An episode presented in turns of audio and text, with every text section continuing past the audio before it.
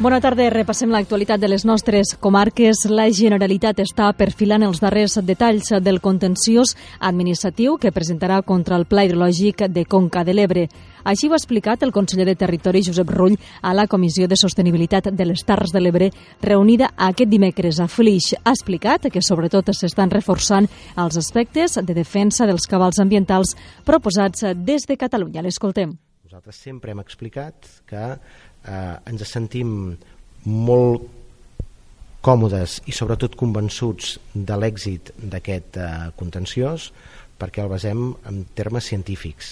I la Unió Europea i Catalunya parla el mateix llenguatge. Parla el llenguatge de la directiva marc de l'aigua parla el llenguatge de la ciència. La plataforma en defensa de l'Ebre, present a la comissió, veu amb bons ulls els avenços que està fent a l'administració catalana. Susana Avellà, portaveu de la plataforma, ha valorat positivament l'anunci fet a la comissió per part de la Generalitat de la contractació d'un peritatge independent sobre la darrera proposta de cabals ambientals catalana, un peritatge que correrà a càrrec d'un expert nord-americà en cabals ambientals. Lo de la contractació d'un perit independent és interessant perquè, diguéssim, que treu arguments no? a qui, a qui diguéssim, bueno, diu que estos, estos cabals no estan bé.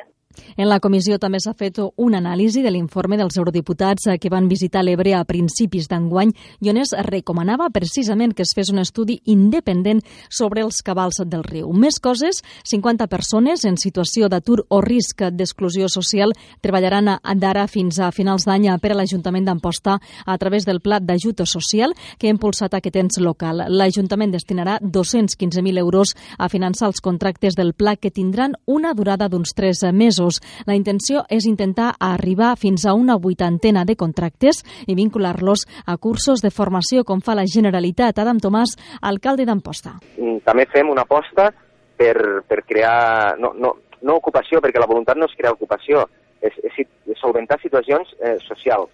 I el que fem també ho fem via eh, la millora laboral, no? I això també pues, la gent li ajuda a psicològicament estar bé, a sentir-se útil, a sentir-se que poden treballar pel poble. I la institució col·laboradora d'integració familiar de les Terres de l'Ebre, que depèn del Consell Comarcal del Baixebre, ha gestionat l'acolliment de 145 infants durant els 10 anys de funcionament que es compleixen aquest 2016. Les principals funcions de la institució, que també es coneix amb les sigles DICIF, són la integració dels infants en famílies d'acollida i la gestió de les adopcions nacionals internacionals. S'han gestionat 80 adopcions internacionals i 140 34 nacionals. No hi ha temps per a més. Alerta i precaució s'han d'agafar el vehicle per la pluja que ja està caient a les nostres comarques. Molt bona tarda.